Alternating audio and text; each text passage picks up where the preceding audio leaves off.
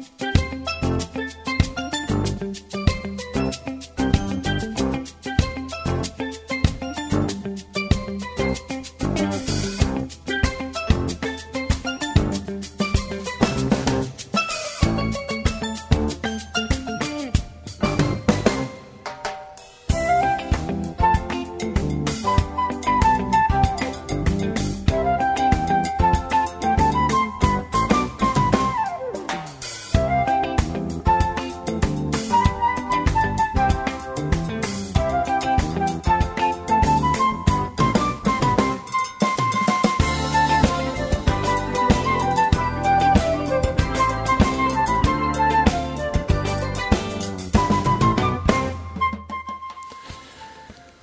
Velkommen til sendingen av langt her i morgen og i Lindene. Og jo, da i morgen er Søymen Absalansen, Jekvason Danielsen er, er tekniker som er, og vi får reisning at halse på en gest om en løt. Men aller først, så får jeg lese ur Salme 121. Her stender sanger av hattøyer fer. Jeg lytter opp eie munne mot fjallet Kven skal hjelpe munne komme? Hjelp munne kommer fra herren som har skapt himmel og gjør. Ikke skal han leta inn eka, ikke skal han blunda som værer til. Nei, han blundar ikke og svever ikke han som værer Israel. Herren er han værer til, herren er skutjetuin under høyre inn. Solen skal ikke gjøre termoin om dagen og helder mannen om nattene. Herren værer til fra ødlen ytlund, han værer innan. Herren skal være utgang og inngang inn fra nå og til avgjør tuir. Og vi har sånn årene så færre vi at dorsta etter Sanjanon Preisim og til Salt som synger.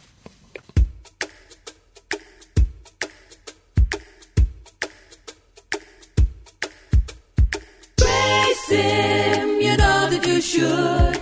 Everything is working together for good. Praise Him, you can never afford To ever stop praising the Lord.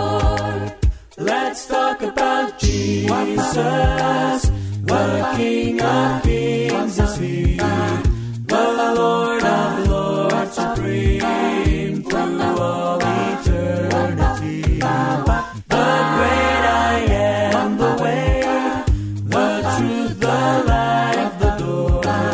Let's talk about Jesus more and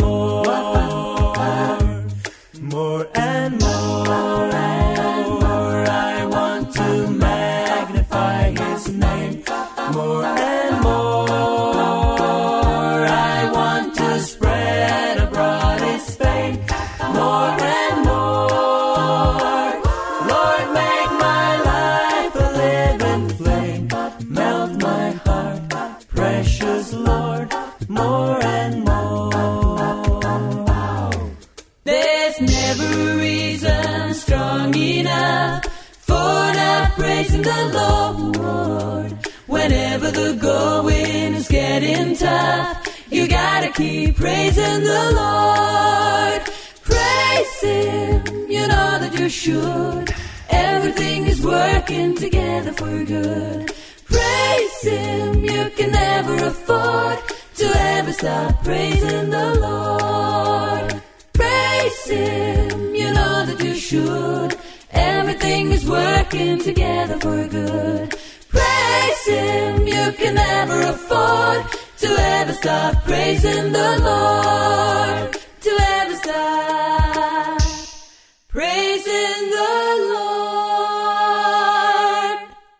Du lustar etter til lindene og sendisene av bildet langt. Og i morgen har vi finnet en gest i studio, og det er Eiler Johansen. Eiler, hva? God morgen. God morgen, og takk for innbjørnsene. Og hjertelig velkommen. Takk. Jeg ætler å prate sin vitt jeg Eiler syndrom om til løy og og hva er så innom? Du er vestmenninger. Jeg er vestmenninger ved Støra ved, men her har vi bo minst eller til løy nå. Du fødder for alt, tror jeg. Ja, Og da jeg var 20 år, så flyttet vi nye til Skagen i Danmark av av ja faktisk av fortjellin av om vil jeg si ja. Papmøy var, være, var fiskare, var sjåmauer og sylte vi vi førskron skipon og ta og Gullfinner som han var vidt ta kom heim vera vi heim ur, ur, ur, ur, ur vi fotlun skipet så kom hun på ombord at røya røya var ferdig av heisen. Og så han det ta, vet man jo at uh, så, så er jo faktisk lasten konfiskera. Ok. Som så at det gjør det det at, uh, ja, fyrtja vannan er ter, ter rappla og simpelthen. Ja, ja. Så papi han, han hoksa i støvun og jøknun, han hei jo arbeidna av, av sær og kone og seks botnum, Så de, han valgte jeg færre nyer og i trøytrush, nøytjen trøytrush, og prøve etnene i skaken. Og det lukkast øyla vel, da jeg hadde en holdt æra skipan nyrre enn det som tørkjente til høyma om det mundet. Han fikk, ja han er flere chanser, men han fikk chanser i øynene som kallas Pingvin, S203 trus, da minnes igjen. Og ta tjekk øyla vel, satt han om, Så han, han lukket som kom fire seg alt. Økonomisk? Ja. Det, det var, og så, så bestemma og, og han og mamma at uh, resten av familien skulle være nyer og i fem og trus av somre, og her middelen var i øyn. Så var pappen nere tvei år? År, år. Ja. Og jeg råkte vi at han, Øystein Lukas, som hever, følt seg fram, hva kan det... Ja kan jeg utan vi er bare bjøve familien hett her, og så, så tar jeg en helt, hette kan jeg, og så gjør det det. Ja. Ta skipet han kom hjem videre, god Vestmann, har vært her av fjærløyen? Ja, jeg, jeg minnes meg rett var det Grønland. Ok. Så. Men uh, ta er du, et eller annet, ta var trudrush. Ja. Men det er langt nok å gjøre gammel da. Ja. Ta er du så bo i Vestmanna nøgra år sammen undan. Ja, jeg gikk i skola i fyra år i Vestmanna som jeg minnes at atter som gå er. Og da vi flott nye år, så flott vi jo til et helt annet miljø. Jeg kjente ikke male, flott ikke tåsa da, skulle i skola og i femte flottet. Ja, det var, det var en utfordring. Ja. Og jeg trefst ikke særlig vel, og pappa lukket som fikk innsikt av oss ned, så han, han kjøpte meg en harmonikon som var den første som, ja, er slænen, og i øynene enn, og en øyla lui til øyn, men hun leie så grundarleg for det som kom og skulde. Jeg var bydronger i bruksene i Skagen, og her samla jeg meg nekra kroner opp til å kjøpe meg en av nutja, og det ble så knappar, og det har vi så hilde min til, så ja. Ok. Er hun til øysene? Hun, ja, til nummer fyra har vi av okay. Men hun er... Um, Hon er fjøret i år nå. Ja. Han har vi vært oanvendig glad for. Du sitter for nere i 25 Ja. Og du er Vestmanna, Arjen. Ja. Vi kjalt henne. Var det køyrande mellom Vestmanna og Havna til du for nere? Det må jo ikke det være. Nei, det er eh, minst med rett så skulle man uh, gengat først om, uh, ja, opp, her oppe opp, i heien og her, om man får mørkadel. Mm ta i Adjavirana vi har kommet jakken om? Ja, han var bare ikke kom da. Okay. Det var, det var sin spesielt. Annars så platte man at uh, sikla vi, uh, vi, uh, vi kipet til Kotlafjær, og så herfra vi er. Ja, altså ur havn til Kotlafjær? Ja, østen fra Vestmann. Ok. Ja, du tar hva det køyrande til her til, da. Ja. Ja, ja, var det. Ja, ja. Og så minnes det at uh, skulle man, uh, men man kunne jo sikla vid regnet. Det var ikke to minnes tannbaten. man spalte jeg bøy i Vugått i han. Han silte vi farme og, og falt til østene fra Haldersvig innan Kotlafjøret så til Havnar. Og her har vi østene vært ombord. Men jeg hisser i mykje boplassen i fargen, ta trusjen til er som smar og kjær. Sjalt det vil pasta en større rødgjeng. Ja. Som Vespana og ja, havnen og sånn, det kom så ikke lengt. da. Det var det var, det en helt annen tog man det utgjør. Ja, altså, mer enn kona min, hun platt å si at jeg ut her skulle ut av Arjar. Jeg tar måtte man sykla. Vi båte ut av Arjar. Det var ikke vevor, eller brikkvar, eller nekka ta. Ta hon var bare. Så det er helt avferdelig enn jeg brøyte. Ja. Hvordan var vi troer løyvene du var baden, hvis man har... Ja. For trygt du kom an. Ja. Jeg skal skunde meg å si at jeg er bønner baden. Foreldrene som jeg har haft akkurat syskene vi og i bøn og i oppgjøkken årene. Og det som var, uh, var aktuelt da, det var misjonshus i Vestmål. Og her kommer vi til Øsne, og sanker og er, vi, vi finner vel det. Så det, man rammer vel av Sintja, Og det er oppe i jøkken alle årene vært nekve sanker i okra familie. Så det er så ikke at det har vi glede, og det er det ikke en igjen. Det har vi det sammen. Det er alle som harmonikene, så sier det syndrom. Er det interessant å være? Ja, det er så at det er en søva for seg. I i 2012 av heste fikk jeg en avhøyden fra Imadam Kotlafre, Mm -hmm om ikke det har vært et hosgått at uh, samla nekker harmonikspillere sammen, og så gjørst, uh, ja, man kom, vi blir jo vi en, en, en, en sånn møte i Deplen og Skalavik, til leia kvalitet som, vi, som heter det her, og det det er ikke faktisk veldig vel. Det det ble så grunnt av leie under tog som vi kjenner ut det som harmongviner. Og til det har vært nekva sen. Vi har vært rettelig nekva sen så langt noen. Og, og jeg vil si at, det at folk har tidsi øvla og myndelig av vel møte du. Og det det er sånn det gledest om og, og vi, vi halter oss til jeg vet ikke om man kan bruke ordet av gamle sannsjene det er kanskje ikke så så pent å si det men, men nekva at heimon som ikke ble så nekbrukt langer og her var jo en båskap som, uh, ja, er, er å gå og taler, altså. Så det er fantastisk, alt det. Og så får løyve at synja det som felaksangur, og for mer hev det jo ikke bare at man syngur fire, men man syngur saman vi, vi forsamlingsene, så man syngur egentlig årene inn i hjertet. Ja. Så man, ja, det er akkurat misjon i det. Men ikke salmer som vi skriver, tar er, tar minne under prædik. Ja, og tar er jo, tar er jo gjørder ut fra forskjellige hendingon som folk har vært utfyrre, og tog, tog er det en, en levende vittnesborer som tar så knyta inn i en sang. Ja. Fantastisk. Ja. Eller tar du uh, vokst opp på Vestmanna Kjekse Sundagsskola? Ja. Og i misjonshus nå. Så jeg, jeg har, jeg har finnet ikke nek godt vimmer av vennom, og men, men, men ta jeg så kom her til at jeg kan støve, ta var det 16 år.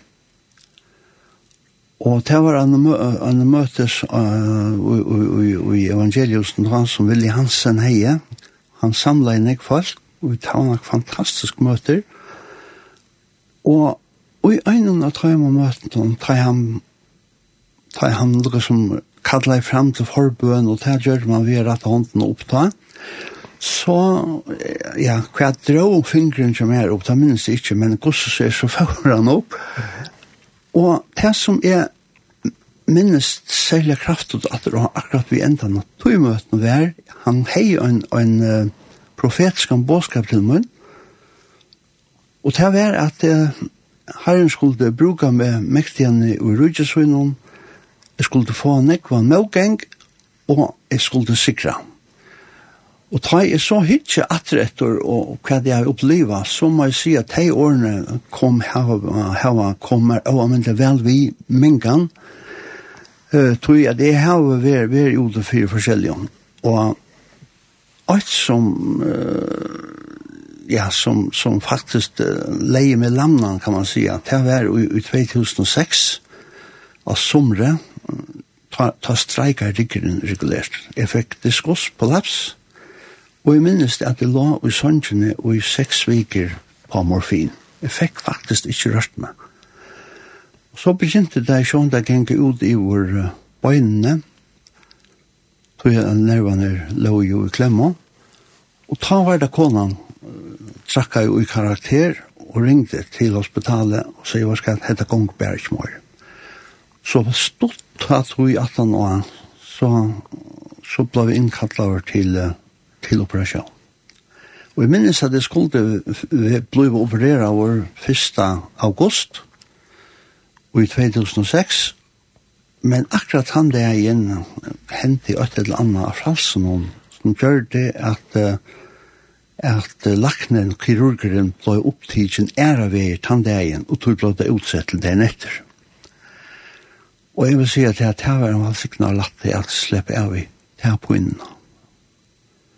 Så det rikka jeg vel, og, og ja, og jeg har ikke haft noe ordentlig tilbakafall i så måte, så igjen.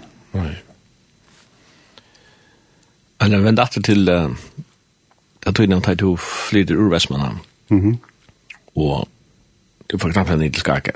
Ja. Du er 11 år gammal. Det blir vi til heste, ja. Ja, det er... Tutsi 11 år, og en er rettelig trobult tog at flyt ui, når man er... Lukka som rødt når farna nyer, og man er ganger skola, og man er kamerater, og er okkur tur haft sina viner i Vestmanna, visst ja. Det er, ja.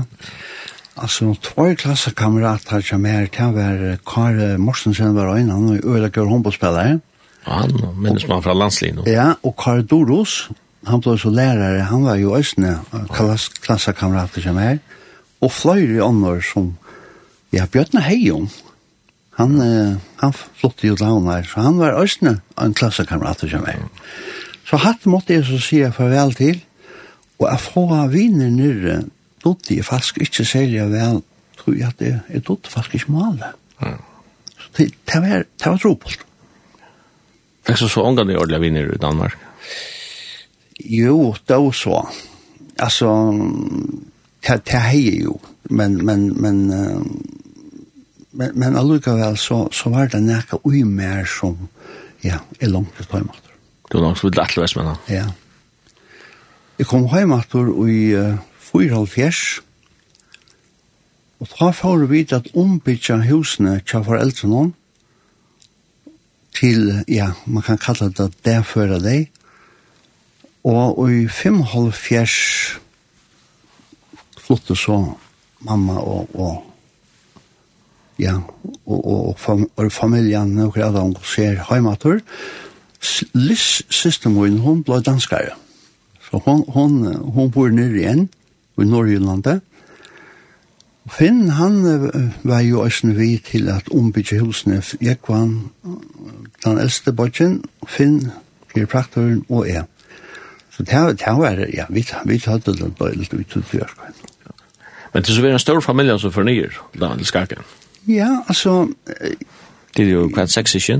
Ja, altså, Paula, den eldste, og Jekvann, de får nye nekka fyr. Jekvann minnes det han får lære til snikkere, han hever øyla gavar henter. Og Paula, hon får nye arbeid av, av, av sjømannshavnen. I skakken? I skakken, ja. Og, og så vidt, vidt fyra, fyra sikkene, vi, vi, vi slått og nyr i fimmtrush til en ubo som heie trusovelse, så, så vi er, er det, og, og nøkker flere år oppvaksen vi, at vi tar eh, tasjesong, og vi bo, finner og jeg bo sammen, og jeg var en østene, ja, og, og så Paul, nei, Liss og, og Hildur hette så hittkammer, og Paul var østen til hun var hjemme. Så, så at uh, plasset var så som så, hivveien så kom vi ut vel og daudøy hver vi annan, som så at det gjør det at fungerer. Mm. Var det bare en uh, skole i Skakken? Nei, han var tvær. Kappelborg-skålen som jeg kom og gengå av, og anker med et skole som, som vel mer det, og vi er skiftene i skaken er brøyt øyla nekv, så tannskolen er tjekk av er i det altså kultursenter. Han, han ble, det var simpelthen ikke grunnlig. Så var en annars skole her opp, ute mot gammelskagen, han, han er så rive nyer. Han, han er vekk. Så til, til hava var det nekv bøtenskagen, ja. Hvordan hvordan nekv kvart bo i her om det måned? det? ja, cirka 12 000. Ok. Og det var jo en, en, en utrøra bojur, vi av amintlig nekvun kipon, og, og ta jo i e, så var livet å genge skola, altså jeg vil si, jeg gikk femta, satta, kjenta, fyrsta og annan og tria real i skaken, og jeg var livet å sumre i Øynalfjers. Og hva skal jeg så gjøre? Ja, pappa var sjåmøver, så han, eh, han fann mer enn hyrom. Og her var vi nekker mannar, en 20-tonsare. Så her lærte jeg grunnleggjende sjåmannskap til vi var bare tvær mann som bor. Ja, han sier. Så prøvde du, så du først andre prøve sjåmannsliv. Ja. Um, nekka sattne så får jeg ombord av en som var dobbelt så større, han var 40 tons.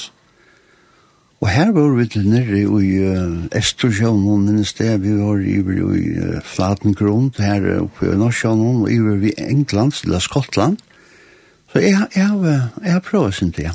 Hva er det, er det oppe sjåfisk? er det... Er det Han var en nøyt, det var botfisk. Det er botfisk. I nekken før var det rætjer. Ok. Ja. Så ta lærte jeg pilka rætjer. Ja. Og det var interessant till skagen tar man uh, ser skagen med danskar så så för ett land till ett land exotiskt vi skagen så det blev du ska helt uh, det var det ganska ta nej ja Og så är men så ska vi ordentligt danskar så skulle det här så vi skagen den för löv men Ja, og, og, og, og Skagen er jo blivet en turistattraksjon. Ja, det er vi, David. Det er øyla nekk for øysene båtar som, som lenta, lent, som lenta i skaken, du vet, i fløyre det er, altså, kom om at og om at skagen er, ja, til, til, til et døylig sted. Og jeg har vært at det er nekra ferien og jeg har vært oppe i fyrtårnen som er av vei ut av grenen, og jeg har vært i sandormen som er, som, som køyrer helt ut av endan. Så ja, det er egentlig interessant altså. At ja, vi har vært her, og vi har skagget en fyra der, og okay. opplevd at han uh, kulturen rundt om, og så ut av grenen, og så stendte du i uh, en bein jo i uh, Skagrak, og en bein jo i Kattegat. Det er du ganske prøva. Det har vi prøvet jo, og heldigvis så var det godt vevor, så det var ikke vant til for, for understrøm som, som godt kan være her. Da? Ja, her, er, her er skilter oppe og, og, allvarliga alvorlige om å ikke prøve på å fære ut og svimme eller så. Nei, nei, og, og, og er du ytla fyrir, ja, men så er du alvorlig ytla fyrir, altså. Ja, ja. Så at kjem du, ta kjem du og for nekka krefter som er sterskare. Oha, ja, helt sikkert. Ja. Jo, at anna vi, hvordan er samband vi, skal, altså, det var ikke noe Nei, som uh, lukte som motorvev når til skaken ta et eller annet slutt. Nei. Var det, var det, var det silte man? Var, var, Nei, det var, det var landsvever, ja, ja som, som man kørte opp uh, og i kjøkkenen, og togforbindelse var øsene. Ja. Her som vi bo, her får uh, toget fram vi, uh, ja, hva var det 30 meter fra et laksår, så det, det vi bo tatt vi kinnerne. Det er sånne skjermer, og utfordringar. Jeg minnes at jeg i Skagen tjekker flotje saman vi øynon som, uh, ja, som var uh, ikke dutt i år hva man skulle ta i utåret kom. Så han miste det øyne bøyne, og hin han døye så. Og, og, og nekra fingrar øsne, så. Jeg kom til på grunn av kinnar. Ja, tåret kom han. Ja. Så ja, man, man, man skal vira hva man, hva man hever opp med motor seg virkelig. Alltså alltså man får också om den den skakan till er till till allt allt är runt om uh, målningarlistorna alltså här får ju för det när vi de allt skift ja, så så som det tal någon det vi målar norr här jag vet ju om om om tar bara i norr här för jag leida borster fra och få inspiration men Skaganmalar til til en verfri seg. Ja, tøyr er jo kjenter for for journalist. Ja. Tøyr hava virkelig doa at mala eh, nekra, nekra mynter som, ja, som er brandaktuellere enn. Ja. Sånn jeg var at han Ja, jeg må bare vikenka at atri ui tui tøyene tar vel list, ikke akkurat en hakst uh, avskrått mykja mer. Nei Men, uh, men, men jeg har sett det, ja. Og Drakman, han var jo øyn. Og tøyr, altså, skakemenn her var jo være, være bjergamenn, jo og, og skip, eh, som man sier, ferna land. Så det er jo nok så utgrunt, eh, utfyrig her. Ja När vi jammer bukterna och allt det här. Ja, det är Olberg bukten. Ja, det är inte nog västan för. Ja. Nej, nu minns jag inte. Nej, lika mycket. Men man man vet att uh, sälja ut ut ut de cyklar att ju ja. Ja. Det är då är mot landet att det kunde vara öra farligt. Ja. Og eisen til at uh, danskare trøyre høtte jo, uh, jeg vet ikke om man kan si etter vana, men, men omke tog så, så kjente der eld av sanden som om det var et fortaren. Ja. Tar, og så drog der båtene nær i Atsara, og så plutselig så stranda der. Og så kom det da jo få en reka vi gjør, mm. forskjellig Men hvis du leser søvna, så, så, så ser man noen dømer på, på såret, ja. Men fiskene her i Norge, og livet øyne er at naturen, kan man si. Ja, det har det altså ta vær nok onkur bøndaskaper som er ikkje har innlit ui men, men ta var øyla nekker utrøra menn som ja, tar for ut om åpnene og, og, og så innatt om kvöldet og er det så til aksjonshattene som, som var og som er enn. Eh för jag kunde ta ta jag kan ta döme ut från tog jag eh jag jag var fan out tog ju hon sa någon som som är var ombord va. Han kallas för Biste och och Kurst som är skiparen han och åtta båten han har uppkallat konna så så. Okej. Vi vi vi namn hon her. Så at han första dagen i 1903 halvfjärs nekker nakres på at han för ut till utover ta uh, ta blei tannbatren nysildur av en uh, stalbate eller en oljebate som kom ur färjum. Han er vært vi, vi olje.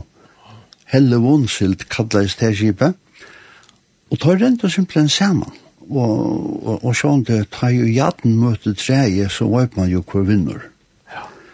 Og tar, uh, tan øyne meveren kom ikkje at roja tar, og, og kurs han ble så funnet og, og silter inn til sjukhuset, men eh, som åkken vidande tar jo i vetur er, er, er, er havetur er så sjekven kaltur, eh? så han, han, han drukna i alt.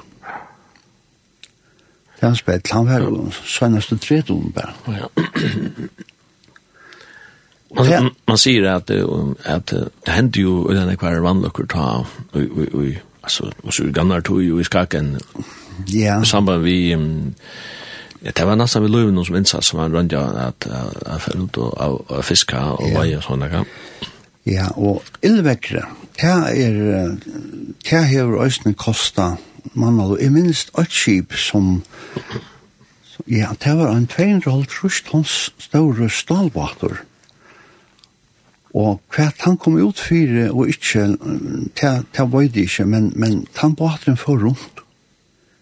Og jeg minnes, og han har sagt at han stod opp og nye i sjøen. Hva du så da?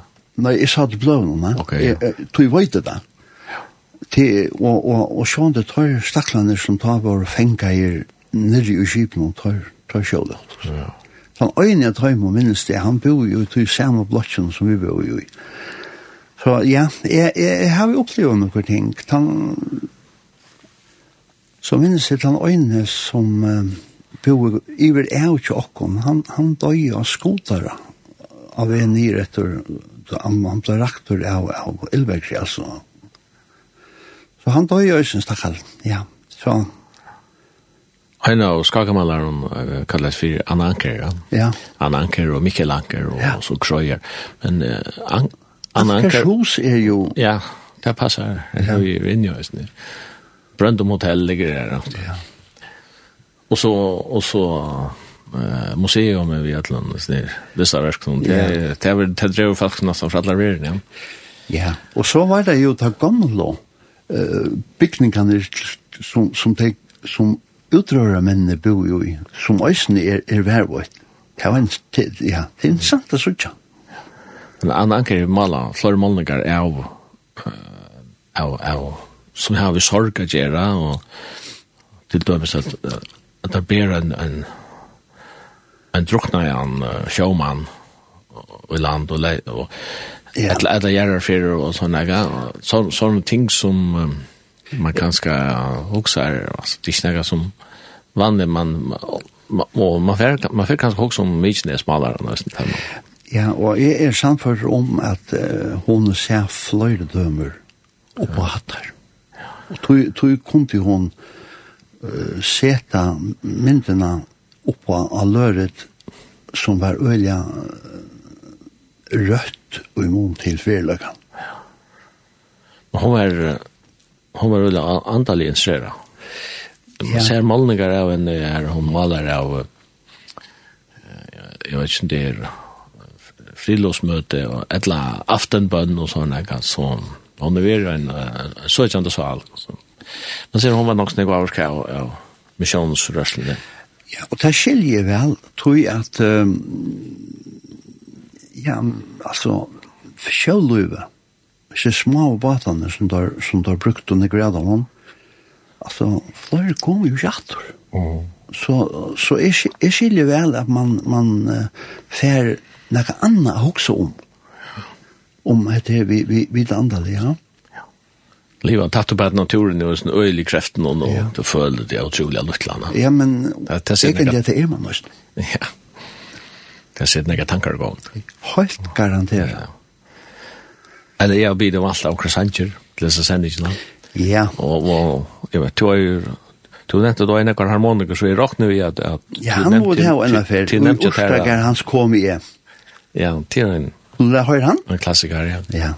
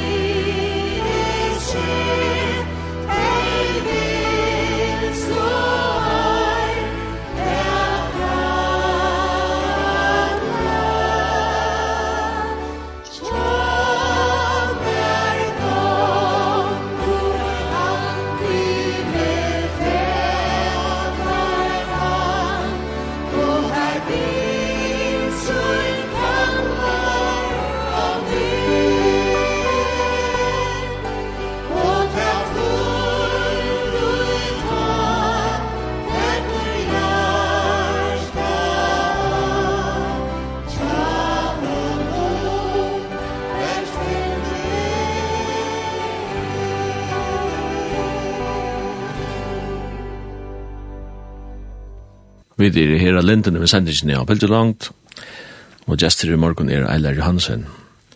Her er vi da vi er noe i skaken. Ja. Du, du er jo nok snakk var.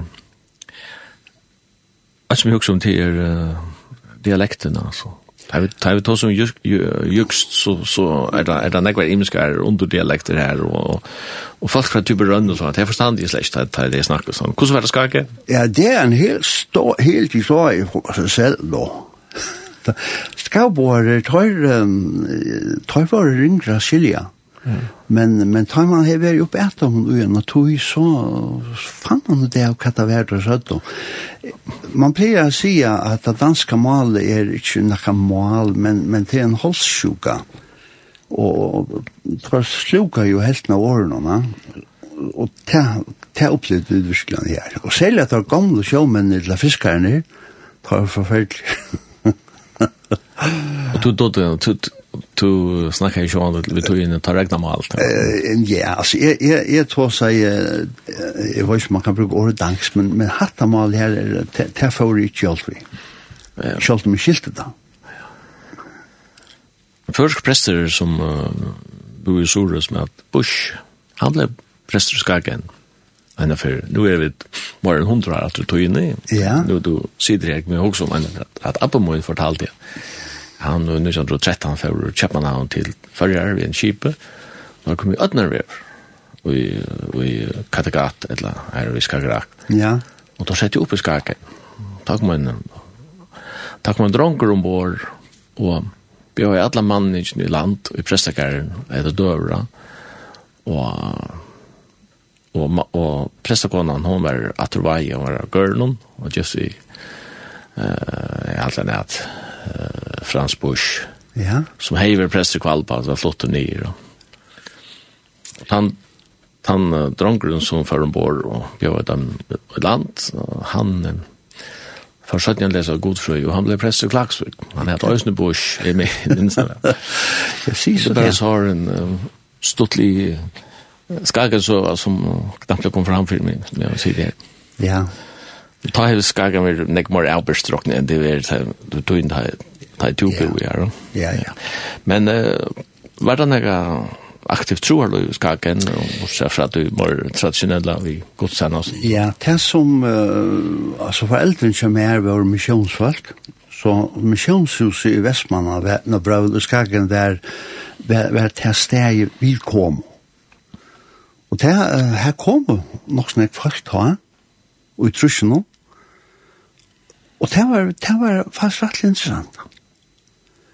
Um, Hva er det så søgjende er hent? Det er det at, at se fra, men jeg vet at, at søgjende er i høymkommen, så, så er, er huset selt og til et annet endamål. Så ja, han, han uh, samkommer i, i vilde så nok ikke. Nei. Sånn det. Men jeg er jo en av gode tog her, ja. Mm og anker av Sissinjada ble verand i Danmark. Jo, ja. Uh, Liss, som er panasta og røyene under mer. Tur nummer 4 og nummer 5? Ja. Ja, 6. Uh, hon uh, får at uh, læra til slaktare og fikk utbyggving innan til og fann så ser man vi øynon, øynon danskare som øysen var slaktare. Mm Og ja, ja, så, så de, de, de vet alt om hvordan man slakter kreatur. Ja. Men det kommer så, at du tar de bestemmer at vennene løsene har alt førre. Ja. Hvordan er det, det sender alt til syne, tog? Så det er den skriver, ja. Ja. Så jeg, vi får hjemme, Enda mal vi er for hjemme, ta i 44 er at ombygge husen til foreldrene, Og så det var livet, så minnes jeg at jeg fikk arbeid av posthusen i havn som, som landpost på og på, uh, på avløsere, altså. Ok. Og det gjør det så, så på tammaten så, så lærte jeg nok så vel uh, snopphild, som det er kallet å ta, å kjenne, og nye gamle høyvutsene og Vittlingadalsveien som, som vi også tjekk vi postet av. Um, Kai og så at han tøyen var lio i sørste 5,5 så, ja, hva kan man så? Da var jeg um, 5,5 men nå man da var jeg 6,5 lukka mykje. Så får jeg at um, ja, hva skal jeg nå? Jo, jeg fikk, for, jeg fikk kontorplass, eller kontorlærer, og ikke engang lærer, men jeg fikk kontorstarv til Martin Dam Jakobsen. Og vær så her og, inntil og fyre fors, så da fikk jeg noe som jeg nå for de gode gamle BMW-bilene. Det var jo en, en arbeidsmaskine som ville nekka, altså. Helt utrolig lekker biler. Så jeg har vi åtte trutcher BMW-biler, og han han sørste som som et åtte det var en 320 en en en vi tvei mun horun en seks cylindraur en en arbeidsmaskin en RRV. Men her var det en som kom og og arbeids, his nær arbeids sammen med en konne og spurte om han skulle slippe kjeipa han. Mm, så forhandla vi det sin som det, jo, det kom til han godt. Han hei han ikke lunge, så knuste han han sånt, og Det er det vi er då å styra seg om han unger. Ja. Det er ikke alt som då det. Men, uh, det var ofte en større problem for enn det der, sier man. Ja. Ja, jeg, jeg, jeg, jeg, jeg får ikke inne på ham, men jeg kan tro som unger bilfører. Jeg har alltid stand med vest at han ikke sier om det. du er nok ikke den eneste. Oi, oi, ja. Men, um, ja. Sjån det at i fyra for så får jeg at arbeid av kontoren og i demøblen, vi kjenner det seg. Og så var jeg her til og i tjei og fors av heste. Så ble jeg skrivare av Vestmann kommune. At han og han lille ba som han ble kattla vår uh, andre hest, så fikk jeg hans starv Og så kom det inn trynar. Sørste forsen om og i halvfems, og jeg minnes det at til jævlar og i halvfems. Skriva i en rikvo av oppsakna tror jeg at kommunen heier faktisk ikke råd av folk arbeid. Det var egentlig en det nødt Og her er mitt min egnom. Så jeg heier ikke vært her så langt, så jeg heier trutja måneder oppsakna. Så da jeg kom heim 31. mars, at han var min sørste arbeidsdag, så kom konan høyme synar oppsøkken. Og vi hadde fem bøten byggvann i heima. Hva da er siden er halvfems? Eh, hette var i halvfems, øynalfems. Og jeg minnes det atter av at skipene fører jo av heisen etter rettjål. Og vestmanna ble en bygd her nekker løv og svinabonder, altså. Det var, det var en, en øyla streven tog. Alls var ikke til da. Så at, så var bare at det gjør at det var å skrive omsøkner, og det var, uh, jeg fikk et halvdagstarv, halvan august av radio et litt noen, og, og vær her så til til 90 året, og ta fikk jeg så fulldagstarv her. Det var på en måte øyla heldt ut, Så det var Øljan størst arbeidsløse i Østene Hanta. Og her har vi i vært på nær 8 år da jeg var oppe i Kall, som det kalles ta, og, og får inn at og, og, og ta samme som egen denne gjør det, og radiet litt noen, det vi, vi bøkalt det av Richard Deptor, og så, så. Og jeg tok et år farløyve, mer enn, jeg husker jeg skal, jeg skal si opp bare, Nå, så sier hun at jeg skal ikke gjøre. Takk til et år farløyve. Og det er jeg øyla glad for at jeg gjør det til. Jeg tar til året var ferdig, så fann jeg det og tog meg etter her. Mm, nei. Så jeg får om han at. Og jeg er gjerne igjen. Her du er. så nå, og i det så er det 31 år siden jeg, jeg får vi starve her. Det blir jeg her. Så det er til noe greier. Nå fyller jeg nødt til trus i uh, neste. Så nå må man lukke som til å huske om at finne horene hvis man ikke skal blå oster og annet. Det er alle omgang. Men tar du var så skriver ikke Vestland kommunen, du flott i omgang når det er, eller hva så?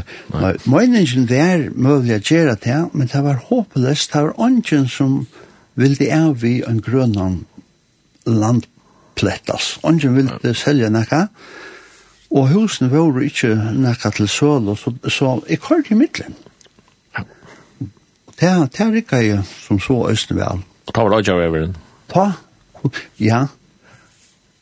tunnelen. Nemlig, ja. Men tunnelen var ikke lett opp ta. Ja, du kom 92. Ja.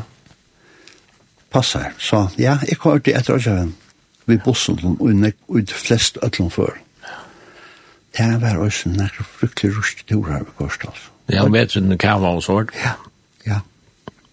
Oha. Nei, jeg kan inn uh, vende after til uh, det tøyna at du kom hjem ur Danmark. Ja. Og det er inne kjadre da, 72 eller... Det var, det var egentlig en 74. Ja, 74. Men jeg ble, jeg ble født av 1972. Var du hjem i ferie da, eller hva? Ja. Det var det nemlig, ja. Da var det 16 år gammel. Da var det 16 år. Ja. Altså, du har påskapen om Jesus, kun gjør han. Ja. I kraft og... Ja, og det. Og, og du har sett ut føler at du har sett ut for en vel. Ja, og til er vele må vi alt utjøkning. Jeg tror vi alt en trobeløyde tja falske som er takka støv og enda vi er skal jeg tåra at sleppa styresvølen fyrir mot liv.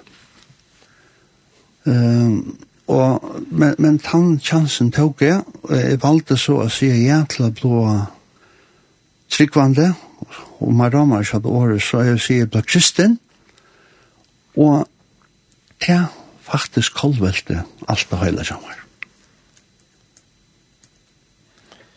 Du sier her, året tryggvande er uh, ofte han brukt, men du da bedre bruker året kristen. Ja, og Men er, er, det, er det altså tog at, at alt er tryggvandi på akkurat eller trygg på akkurat eller åre tryggvandi vil brukt av, av muslimon og... Ja, öll religionen.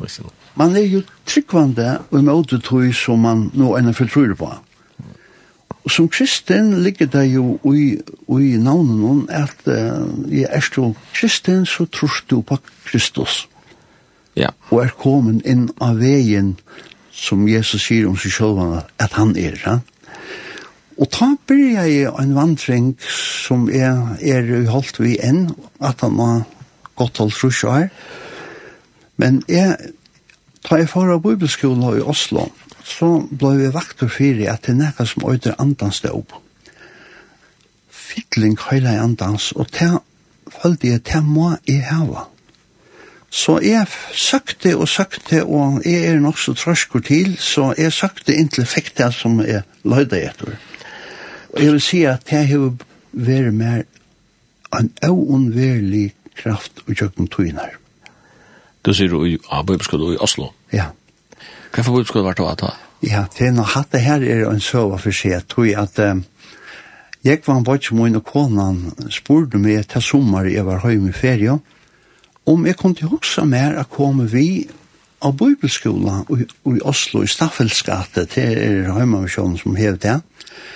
Uh, og jeg heier som så anker arbeider, så jeg sier, ja, det kan det godt. Så vi får nyer og i, uh, ja, stedet at det, så, så, så ble vi jo, ble vi jo døpt og midler tog i. Og så, vil, så spurte jeg hva han inn til, ja, men er vi så velkommen? Ja kjamisjonene. Så fink, fink vi på om det var finnast å slett, bare ikke fremtøvna og det sånn jeg. Det skilje er så øysene, for friskilt. Det er man har vira. Ja. Men hinvegen så fikk jeg nøkker, nøkker anbå i tog togjerskøynen fra oktober i 72 til så atter og i avar i 73 hver jeg fikk nekra utrustningar til mot andalige loiv som jeg har haft av og mellom nek bruk for sjøene. Så det, det, var, det var fantastisk at mest atmosfæren inni en sånn skola hver bøen fyllte sånn ekv. Var det kanskje det cirka halvt år det var der? Ja, og i tvøymen omfør. Altså, nu tjar var i midtelen. Ja, og, og, og, og Alltså ta ena var kanskje ett grund skoj och hit var mera vujere, ja. Så det, det var det var øyla godt for meg. Du fikk ordna ikke barlast? Ja, virkelig, ja. Og det hever, det hever hjulpet meg og hilde meg oppe, og det her vi at, at lære, at skilja skriftene så var snær at uh, oppi, uh, hva skal man si, oppi antallig nivå, ikke, ikke nirja asalalium, kan man si, at, kan man tolka det intellektuelt, og men, kan man lukka som fær innlid i gods tankageng. Det var, det var veldig godt for meg, altså. Fantastisk. Jeg skal amma seg fra det rasjonella til, til og alt godt om det, men til uh, hetta vi åpenberingsene som kommer i Ja, at, at, at uh, ja, Da stender at han, han lærte opp vidtar, altså da skilte skriftene her stender om Jesus. Han, og ja, og... Det er en dimensjon som du ikke ordentlig kan forklare. Mm, nei, det er mulig. Hinveien så, så ble det, så ble vi spurt, for ikke så lenge siden, hvordan kan man forklare god? Så sier det er anfalt. Hikk av Jesus, så hever du alle åpenberingsene. Ja, hvor god det er det er den simpla godføring du kan presentere for en menneske at, at, at Jesus sier at han som hever seg med, han hever, han hever seg feire. Mm -hmm. Så Så. Og hvis man så lærer og, og, at jeg klarer at uh, undergjeva seg Guds år og vira til som autoriteten, ja, det er helt utrolig at du er spart for en ekv. Eller to finner mæren, til ble gift, til da jeg jo bøtten, flere bøtten, og til da jeg Abba bøtten, og, og ja, hva tre generasjon, hun er jo også bank på. Jo, ja, hun er også ombående jo vid Tvøymon. Ja. Vi er lenge opp av, lenge opp i omma til tve små bøtt, som, som navnen som er døtte meg på døyer. Ja, ja. Det, ja, det var interessant men eh uh, Louis er ikke bare, bare en, en, som man sier, en, en, en, en danser og sånn, og, og vi, vi får et møtbord, ja. Ja. Tid opplevde så eisen til at, at de miste, ja, tikkere engste sånn, Andreas. Ja. Han, han var født i 1995. ja. og, og, og stått at han, at han er fyllt 30 år, fer han en blå propp, ja. og i nakkan nottena til uh, frutja den, og uh, verur uh, korter av sjukhuset, og tar arbeidet på han og i tøymar til samans, men tar mekna og ikkje bjerg. Så jeg vil si at ta notten tar jo i Marbrit og Sveinbjørn kom ut til okkom og halvar nott og benka i okkom opp om å komme vi hjem av sjukhuset, tog at Andreas var blitt innlagt og man visste faktisk ikke hva han vet av før. Det var, det var et sjokk som virkelig har sett sine, ja, sine tunge spår. Hinveien så, så var vi her alle dagen. Jeg, jeg måtte lykke hjemme av kontoret fruttet morgenen og sier vi stjøren at uh, her hent nok i, i, i, i familien kommer som, som gjør at jeg, jeg får ikke kom til arbeids i det. Da jeg i kvalitet kom, så fikk vi det vite at um, her var etter øtlene at døme og ikke gjøre.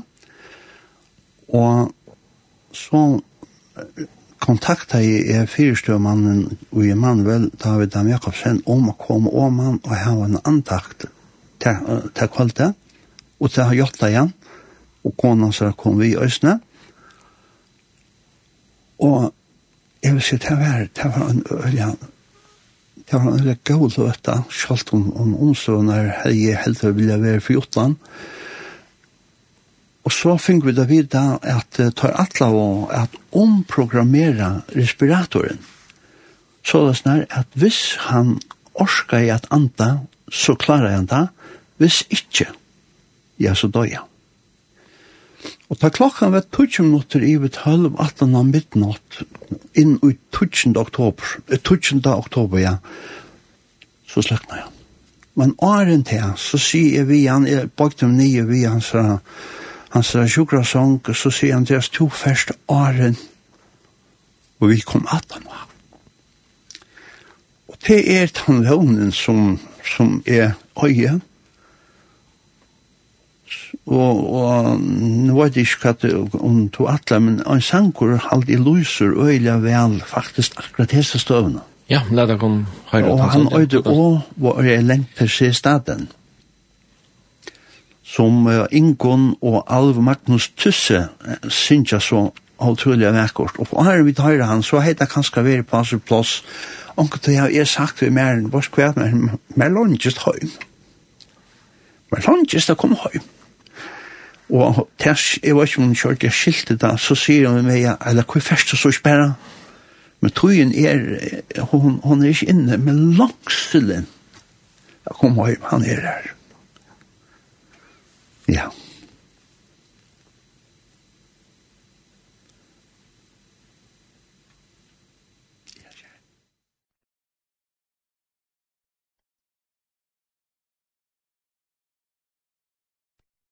og så synes jeg til at Intland finner han. Ta i så notten gonger og, og leier der en kjemur, så ja, så var det en av øvendelig stor rikve av fire røykjengen som skulle gjøres. Ja. Og vi ble spurt til, til det overste her alltid. Vi ble spurt om um, om vi ikke sånn obduserer jeg. Og så sier jeg, jeg tar ikke vidt, tror jeg at det er så mye, så mye underligt at, at vi må vite hva det hender her. Og det var, det fikk vi lov til, og tog han får til grævart han fyrsten da, og, og det var en, en, en, en rettelig spesiell løte. Men skulle du høre Sanchez kanskje? Ja. Ja, men ikke han har funnet han. Jeg kan sånn, jeg leide etter noen løte, og... Ja, ja, han er bra. Det ser ut som han har funnet han her, så vi får høre han og sagt.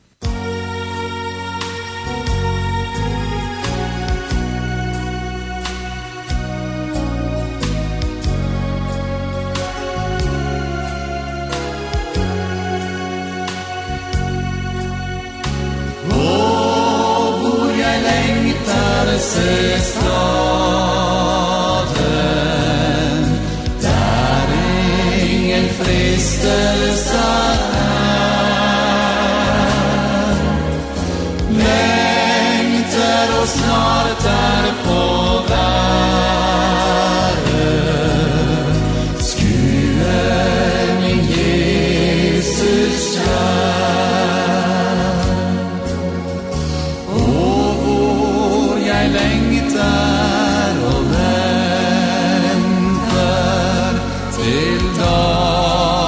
Jesu namn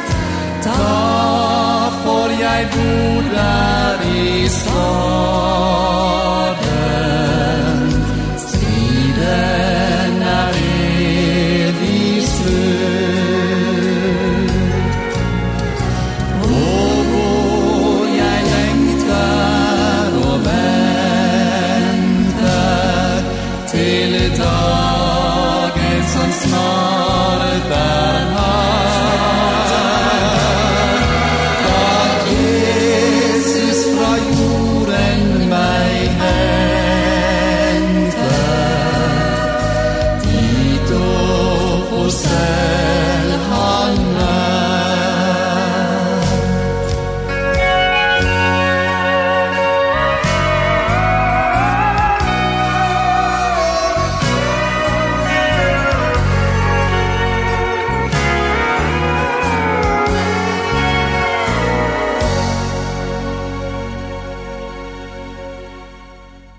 Vi dyrer lindene, og to lort etter sendingen av Bildenong, Gjester Morgan er Eiler Johansen, Atar Vestmanna, Bjusiden i Havn. Eller eh, to valgte denne sendingen sammen vi til at tilmest sonen, den yngste sonen, 30 år gammal, og i 2020. Ja. Og mest et eller annet, og i oktober måned. Og to har tås om allt det här som händer runt om till att han brottliga fick han där blåproppen och annars var det en frisk dronker. Oh, ja. Och Mm -hmm, og gjerrefjer og alt, alt det som er knyttet til. Ja. Men ta hever nok også når folk rundt om seg, og det skjer jo den ikke, men alt som folk ångte sier, som, som opplever sorg, til, til at til at han trobler det i daglig av blir rett. Ja, ta vil så være. Tror jeg, alle har jo sånn daglig det, og, og sånne rutiner. Um, mer enn stakkan, hon, hon, hon tok seg da ølharst. Og jeg tar skilje vi alt, hon var jo den yngste svåneren, og hei bo heima lukka til han var tjei i 20 Men hei så kjøpt husen til okken oppi i Toragøtt, og, og var holdt vi at uh, tillegge deg til hans behov. Og og vi var, var så flott ut og i rehus ut i Kongaværa. Mm. Og han, uh, han hei, var kommet hjem fra, fra skipet, og, og, og, og, og så råka jeg med han så var hjemme. Og så hendte det etter. Damen John, hon, hon vaknar vi at han, han andas så underligt. Og, og ringer så 882, og, og, og, og hjelpen kommer hun skjølt, men, men tar, jeg hørte at jeg arbeidet på han i 40 minutter her oppe, og Og så igjen får der ut av hospitalet på jeg på han. Og alle ga så det ikke. Det var øyne folk som, som var her ute til kvalitet, til, til sjukra lev og kvalitet. Og Andreas, uh, skiparen som han, Andreas er sammen ved Osmund Olsen, han ombord av Sjuraberg, han, han hørte om et her, han fikk kjørt et trodøy, Så han kom ut, og han faktisk hokna i i da han så han så han var. Tog han kjente han som en, en, en raskan, jarvan person som ikke lei fingrene i middelen, altså. Og så lå han her, og så får han.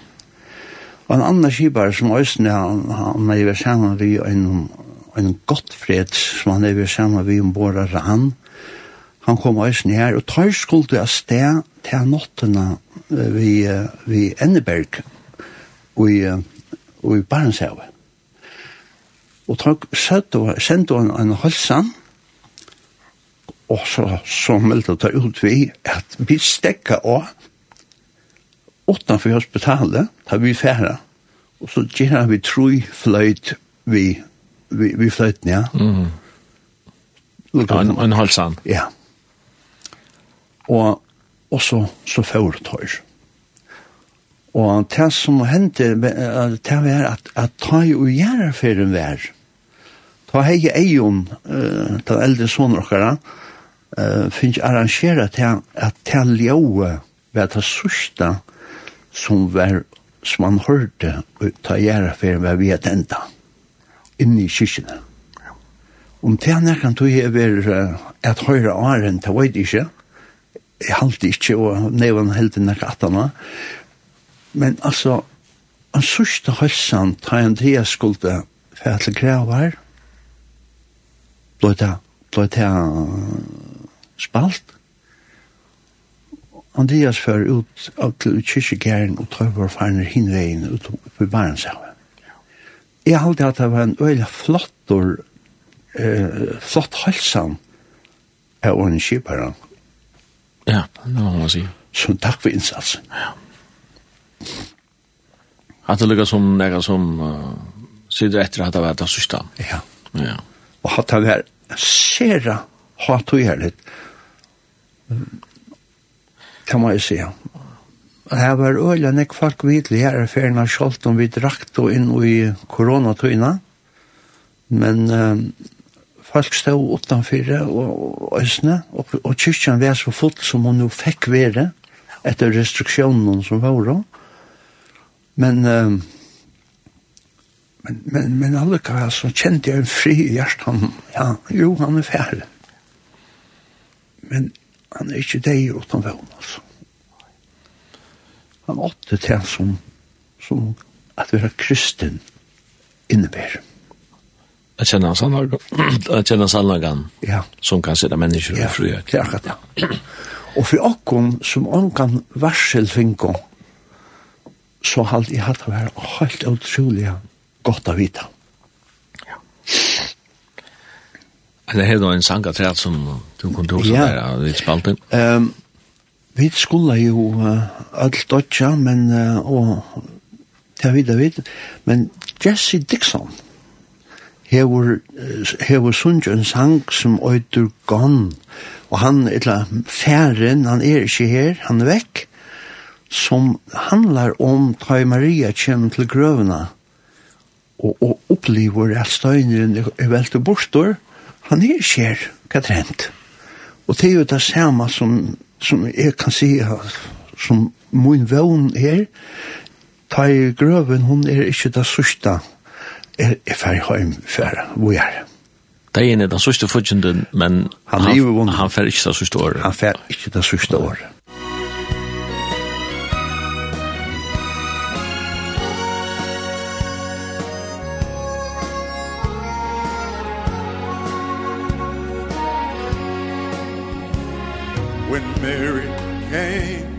by the tomb of Jesus.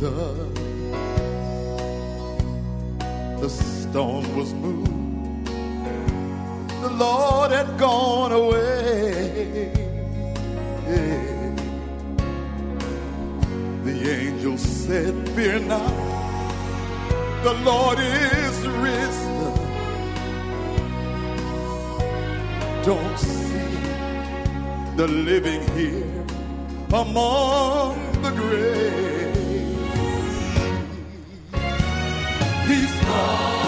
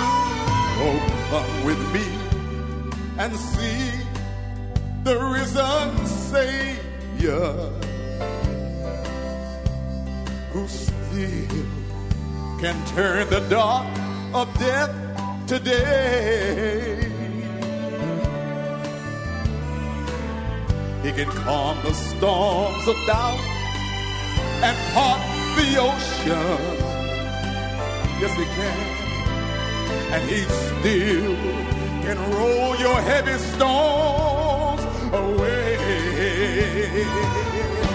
Hallelujah.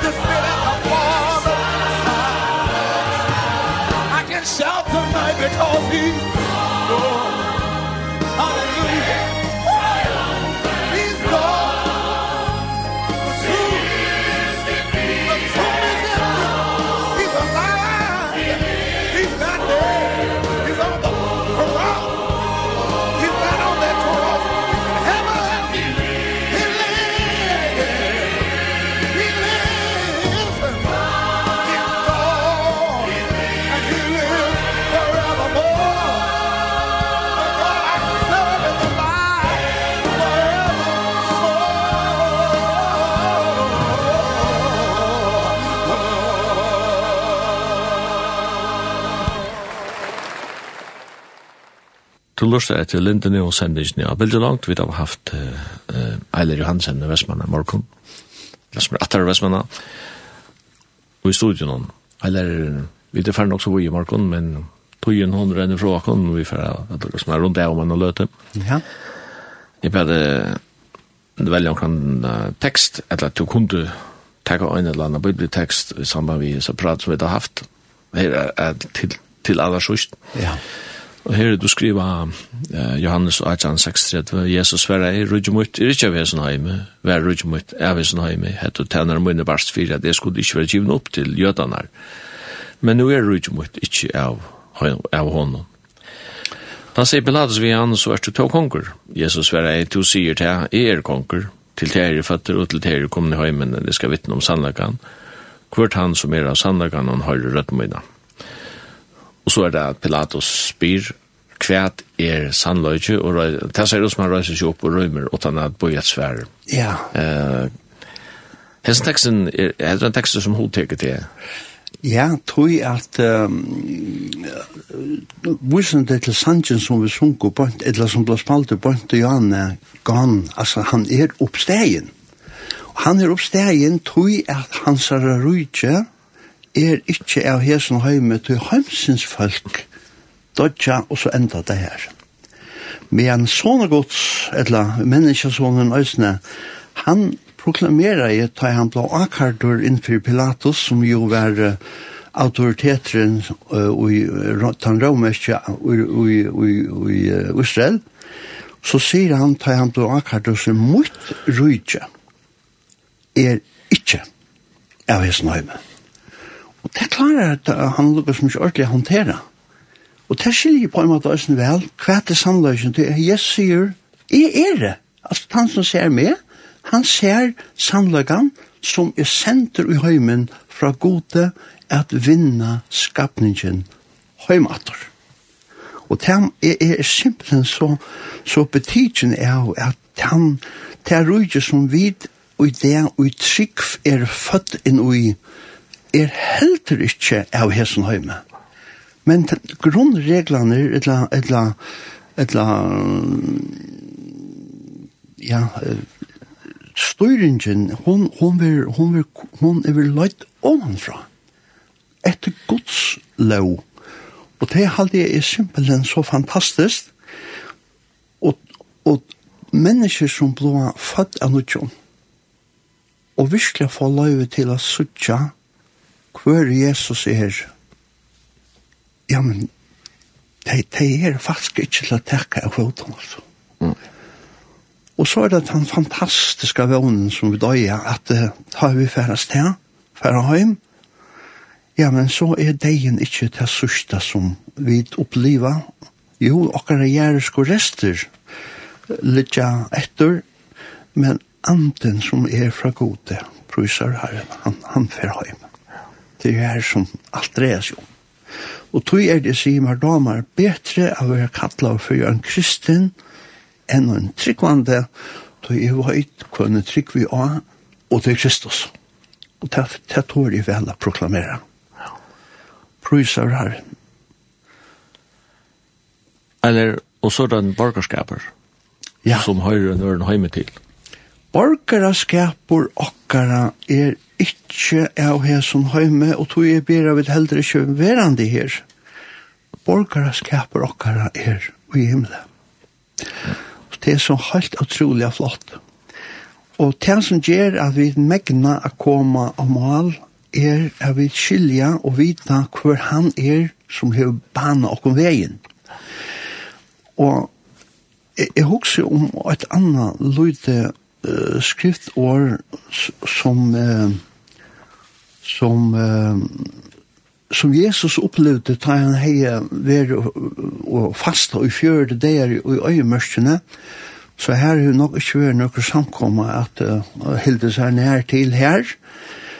Og så kommer han innattor og så fer han vidjan og han fer vidjan er sjolvun djevlun som teker han viss her opp av et ekvelig høgt fjall, og så stendte det, og han vurste honom ødel rujtje hømsins, ikke bare det, men dård tørre øsene, og så sier han via, alt dette, alt det høyla, skal jeg djeva til her, til lykka ått betingelse, og til er at du skal falla nyer og tilbya med. Og så er det det, hvis salar, hette her appellerer jo, og gonger fyrir seg i salarløvnum. Wow, for nekker møvdakar som hette djevor. Ja? Men det som Jesus sverar honom, så sier han, fær bort satan, du skriva er, herran god tøyn skal du tilbya, og honom øyne skal du tjena, og så stendte det, og som Jesus ser takksamme sammen det, ta altså han visste det, han, djevelen visste, jeg, jeg, jeg feir han ikke. Han her han ikke gjerne, ta for han fra honom, og anklar kom til hans æra, og tant honom. Lønnen fyrir jeg fylltjast ved Jesus. Lønnen fyrir jeg halda fast og uttog som skriva stendur, er at Herren sender sunnar anklar til okkom, at tæn okkom, for jeg hjelp okkom, ta etter stendur okkom. Ja. Og det alt er, er helt, helt, helt fantastisk. Um, Jesus, han sikrer jeg, men det um, Romabrevet tåsar om en annan person som var Paulusen av Jotlhjelpar i Rom, og han kallas for Demas. Og i øynene skriftår leser vi at Abraur akkurat Demas, han leter halsa dekken. Og i neste ferien her så stendte det at ja, Demas han han valgte en æra løsning at hun som har reist nøyme til. Så han er ferdig fra meg.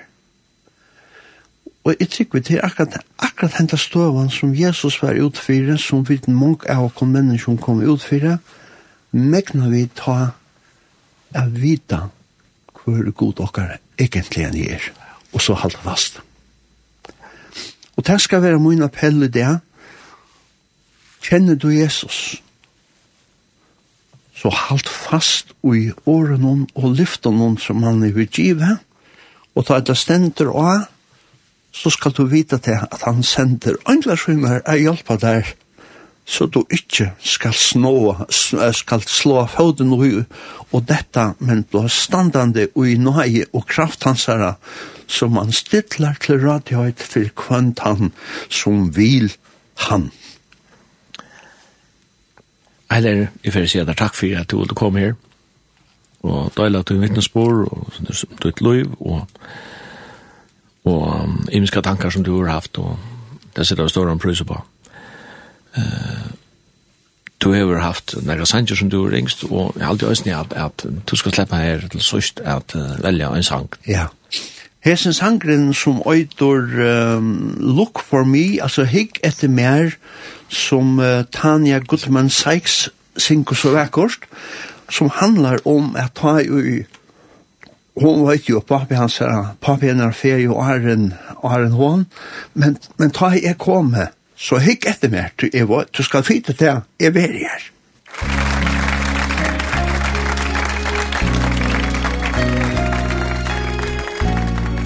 The song that Tanya sings here was written by her daddy, Rusty Goodman.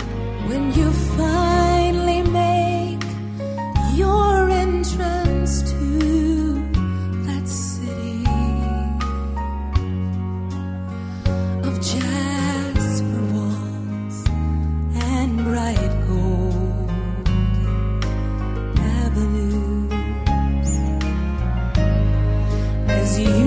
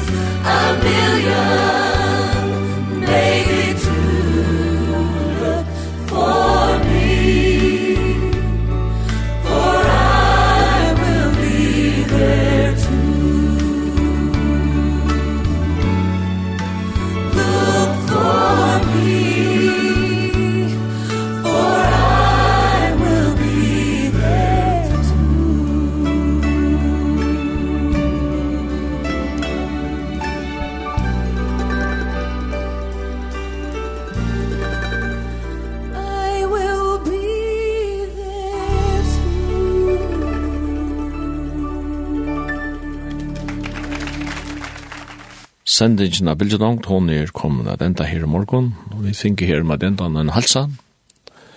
Her stender så godt å høre at det kan bo her eiler og søymen, rørand. Og i utavstående her i morgen var søymen Absalonsen, Vester, og Gjester var Eiler Johansen, og jeg kan sånne Dansen, han stod for det tekniske.